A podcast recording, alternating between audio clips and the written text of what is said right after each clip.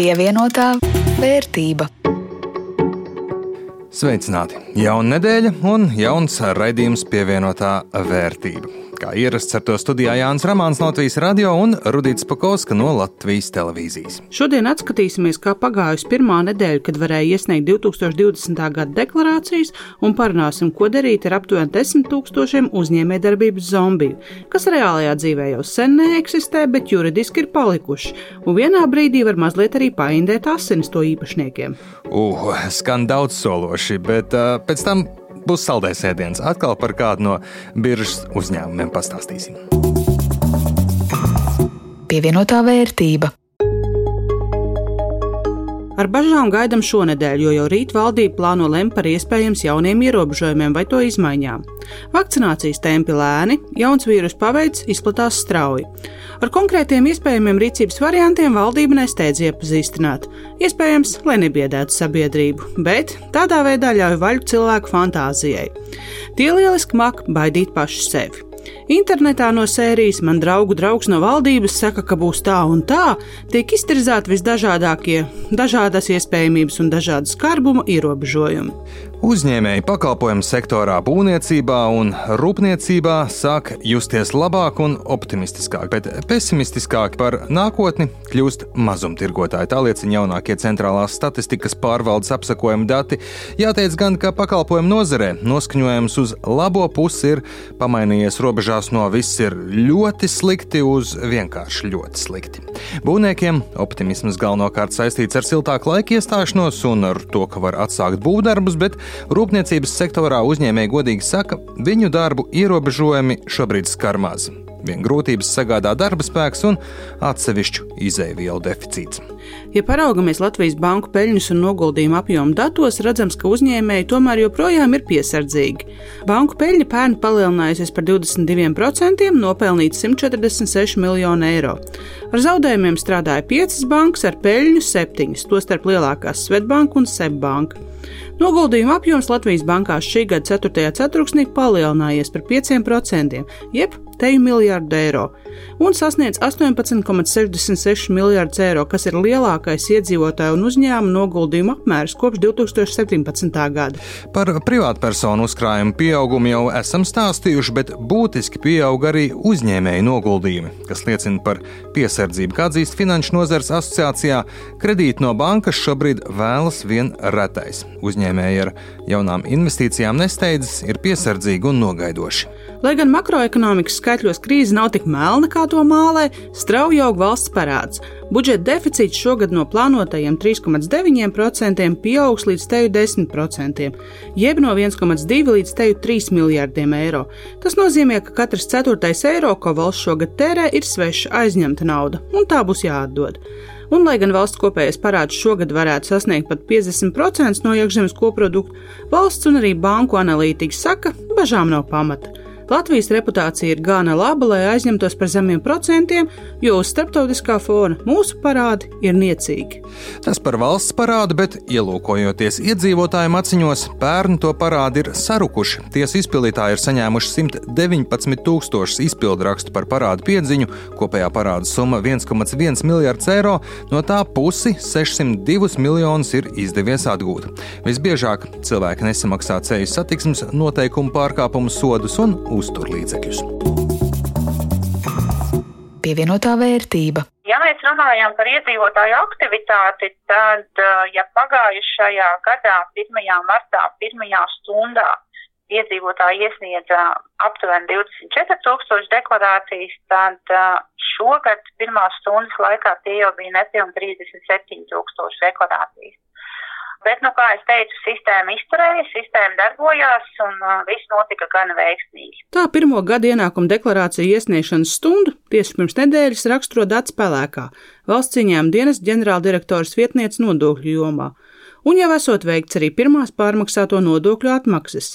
Un pēc pirmajiem datiem nodokļu atmaksās iedzīvotājs saņems krietni vairāk nekā tas, ko nāksies piemaksāt tiem, kuru nodokļu gada laikā nav precīzi aplēsti un samaksāti atmaksājamā summa ir nu, jāsaka, 100 miljoni, 99,99. Tas ir tas, ko mēs atmaksāsim iespējams iedzīvotājiem. Savukārt uz otru pusi šī naudas plūsma, kas ir jāiemaksā valsts budžetā, tie ir 2,2. Lielākā problēma šobrīd, kuras dēļ varētu kavēties arī nodokļu atmaksa, tas, ka čeki nav pievienoti pareizi, teica Pelēkā. Šie čeki tiek sūtīti ēpastos, dažādos nestruktūrētos veidos. Tā kā mums ir pārbaudot deklarācijas, jāmeklē, kur tad ir paši čeki, un tas, protams, nu, paildzina to procesu, un tas vairs jau nav runa par automātisko sūtīšanu. Bet valsts ciņām dienest parastā pasta kastītē saņemt vēl lielāku pārsteigumu deklarācijas, diemžēl, ir liela daļa, kas ir vienkārši atsūtījuši šos čekus, nepievienojot pašu gadu ienākumu deklarāciju. Tas mums būs papildus darbiņš sazināties ar šiem cilvēkiem un, un atgriezt atpakaļ tos, tos čekus. Bet tas ir tā, ka vienkārši aploksnē saliek čekus un atsūta uz vidu. Jā. Tieši tā. Nu, diemžēl šāda sistēma nestrādā, un čeki, lai saņemtu nodokļu atmaksu, būs jāpievieno pie pašas deklarācijas. Bet šī gada lielākais jaunums - nodokļu samaksu var saņemt arī par brāļu un māsu ar invaliditāti attaisnotajiem izdevumiem. Turklāt nav jāiesniedz nekādu dokumentu, kas šo statusu pierādītu, to pārbaudīs automātiski. Bet tie, kas deklarācijas par iepriekšējiem gadiem vēl nav iesnieguši, it īpaši, ja tādēļ, ka ir parāds, pēdējais laiks to darīt, turpina pelēkā nevajadzētu gaidīt, vajadzētu iesniegt šīs deklarācijas, jo tas, ko Vits gan darīs jau šogad, ja mūsu pusē mēs redzēsim, ka cilvēkam ir uh, izveidojies parāds, tad budžetā maksājumā summa, tad gan mēs jau sūtīsim šīs sagatavotās deklarācijas, pamatojoties uz to informāciju, kas ir mūsu rīcībā. Jo savādāk, nu, pašlaik tas parāds, nu, ja tā var teikt, parādas gaisā, un uh, mēs viņu nevaram sākt ar viņu strādāt.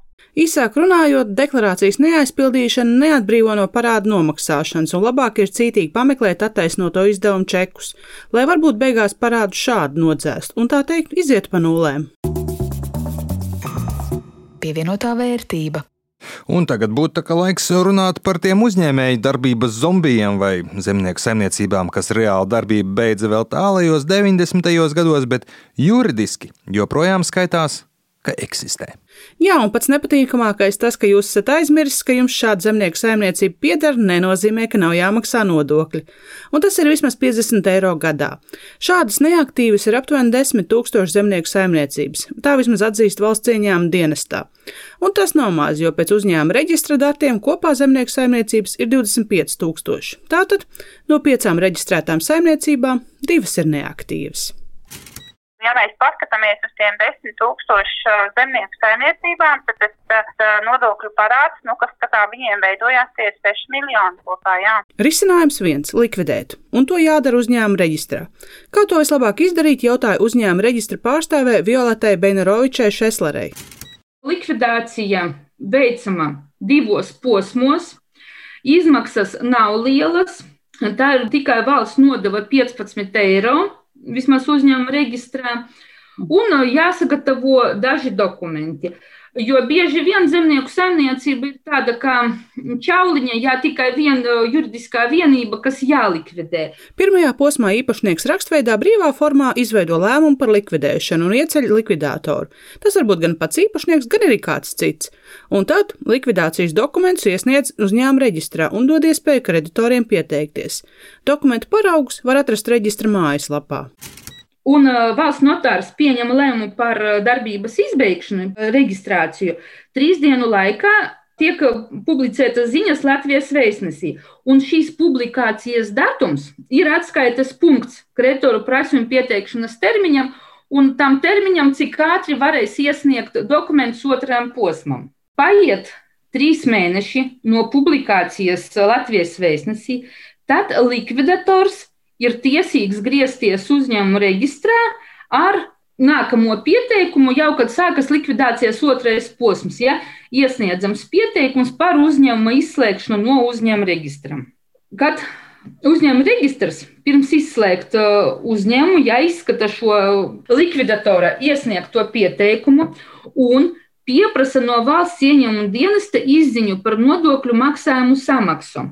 Un tad sākās tās galvas sāpes, ko solīja. Turpina dats spēlēkā no valsts ieņēmuma dienesta. ja arī uzņēmumam vai zemnieku saimniecībai, bet arī uzņēmumam nekas nenotiek un viņam maksājamais nodoklis neveidojās, vienalga bija jāsamaksā šie 50 eiro un zemnieku saimniecībai ir, ir tas pats. Tātad pirms gadiem neaktīvu zemnieku saimniecību likvidēt būs jāsakārto gan atskaites, gan nodokļi. Lielākā daļa zemnieku saimniecība ir iedzīvotāja ienākuma nodokļu maksātāji, tā kā saimniekiem nāksies iesniegt deklarācijās papildus sadaļas, bet tikai par pēdējiem trim gadiem, nevis gadu desmitiem, kuru laikā saimniecība nav bijusi aktīva.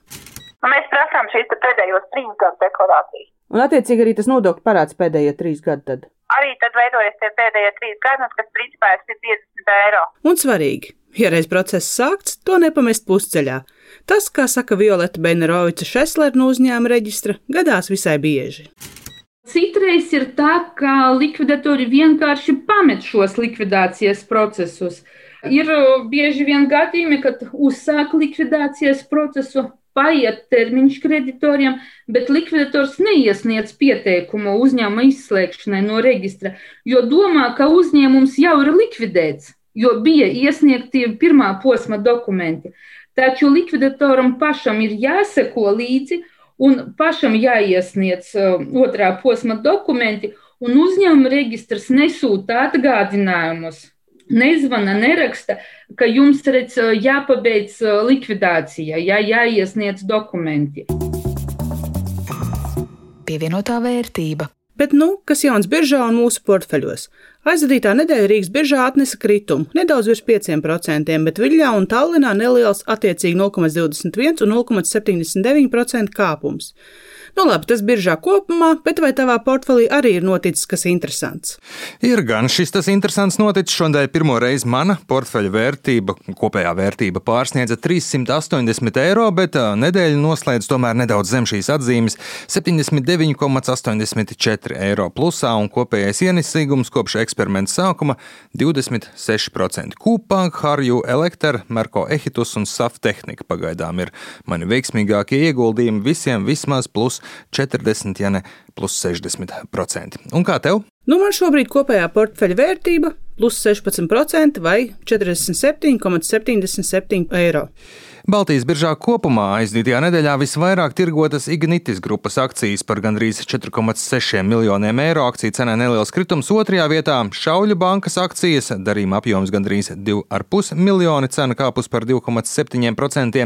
Trešajā vietā Tallinas ostas akcijas cenai pusprocenta kritums, bet darījumi veikti par 813 tūkstošiem eiro. Bet plašāk šodien pastāstīsim par kādu jaunpienācēju biržā no Igaunijas puses, kura akcijas sākotnēji izpirka kā karstus pierādziņus. Pirts apkuras iekārtu ražotājs Saunum Group, un par to vairāk Linda Zalāna pastāstīs. Igauņu pirts tehnoloģiju uzņēmuma Saunum grupa akciju sākotnējais publiskais piedāvājums notika pagājušā gada decembrī. IPO bija paredzēts tikai Igaunijas rezidentiem. IPO cena bija noteikta 2,84 eiro par vienu akciju, taču jau pirmajā dienā akcijas cena pieauga par 69%. Turpina uzkrājuma un ieguldījuma eksperts Kaspars Pēcinieks. Kopš IPO brīža akciju cena ir pieaugusi par 300% kas ir ļoti iespaidīgs pieaugums trīs mēnešu laikā. Ja sanāk piedalīties IPO vai pat nopirkt akcijas šī gada sākumā, tad sasniedz ļoti labs rezultāts. IPO tika piedāvātas 176 tūkstoši akcijas, savukārt kopējais akciju skaits ir 1 miljons. Ja aplūkojam iepriekšējā mēneša akciju tirdzniecības datus, tad pirms šķietam liekas, ka likviditāte maziem investoriem ir pietiekama un darījuma summas dienas laikā mēdz pārsniegt pa 50 tūkstošus eiro. Un, protams, lielākiem investoriem šie uzņēmuma akciju iegādi sagādās problēmas, jo to vienkārši nav daudz. Pēcinieks vērtē, ka Saunum grupa mīnus ir valodas barjera. Uzņēmuma IPO tika piedāvāts tikai Igaunijas rezidentiem, līdz ar to visi materiāli par uzņēmumu pieejami tikai Igauņu valodā. Protams, atapīgajiem Google Translate var ātri palīdzēt atrisināt šo problēmu, tomēr tā barjera saglabājās. Uz šo brīdi uzņēmuma tirgus kapitalizācija ir 11,4 miljoni eiro. Savukārt apgrozījums pie tādas kapitalizācijas 19. gadā bija 15 tūkstoši eiro, un uh, 20. gada pirmajos desmit mēnešos tie bija 245 tūkstoši eiro. Protams, tie pagātnes apgrozījumi izskatās nelieli, taču uzņēmums prognozē nākamajiem gadiem uh, diezgan strauju izaugsmi un apgrozījumu sasniegt 3,2 miljonus eiro 23. gadā. Šogad tiek plānoti zaudējumi, bet jau 2023. gadā tiek plānota vairāk nekā 320 tūkstoši eiro peļņa.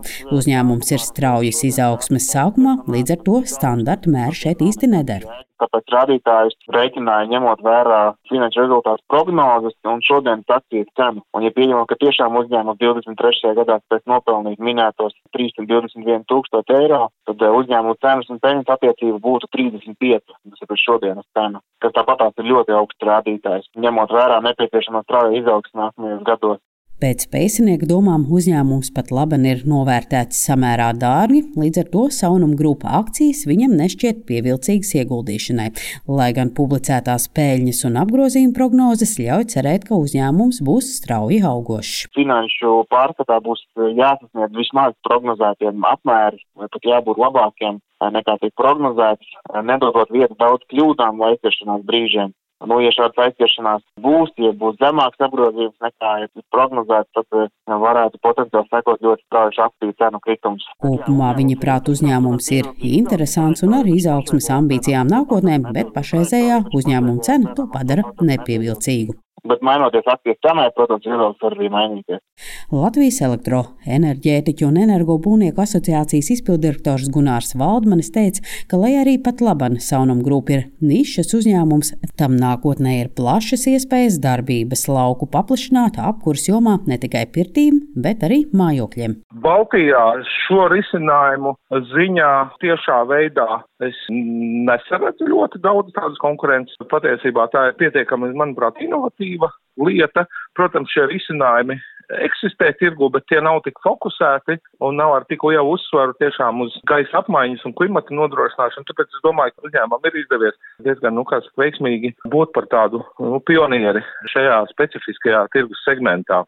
Protams, arī elektroapgādes uzņēmumi uzskata, ka elektrifikācija sadzīvē ir ļoti perspektīvas un tālredzīgs veiksms. Protams, ka priecājās arī redzēt jaunu produktu ienākšanu šajā tirgus segmentā. Saunuma grupa tuvākajos gados neplāno maksāt dividendes un nopelnīto ieguldīs attīstībā, lai varētu apgūt jaunus tirgus un attīstīt ražošanas jaudas. Līna Zalāne, Latvijas radio. Pievienotā vērtība. Ar to arī izskan šodienas raidījums pievienotā vērtība. To veidoja Rudīts Pakausks no Latvijas televīzijas un Jānis Ramāns no Latvijas radio. Bet mēs ar jums tiksimies jau pēc nedēļas, un šos un visus iepriekšējos raidījumus varat noklausīties Latvijas radio mājaslapā un arī jebkurā jūsu iecienītākajā podkāstu klausīšanās vietnē. Tiekamies pēc nedēļas! Pievienotā vērtība.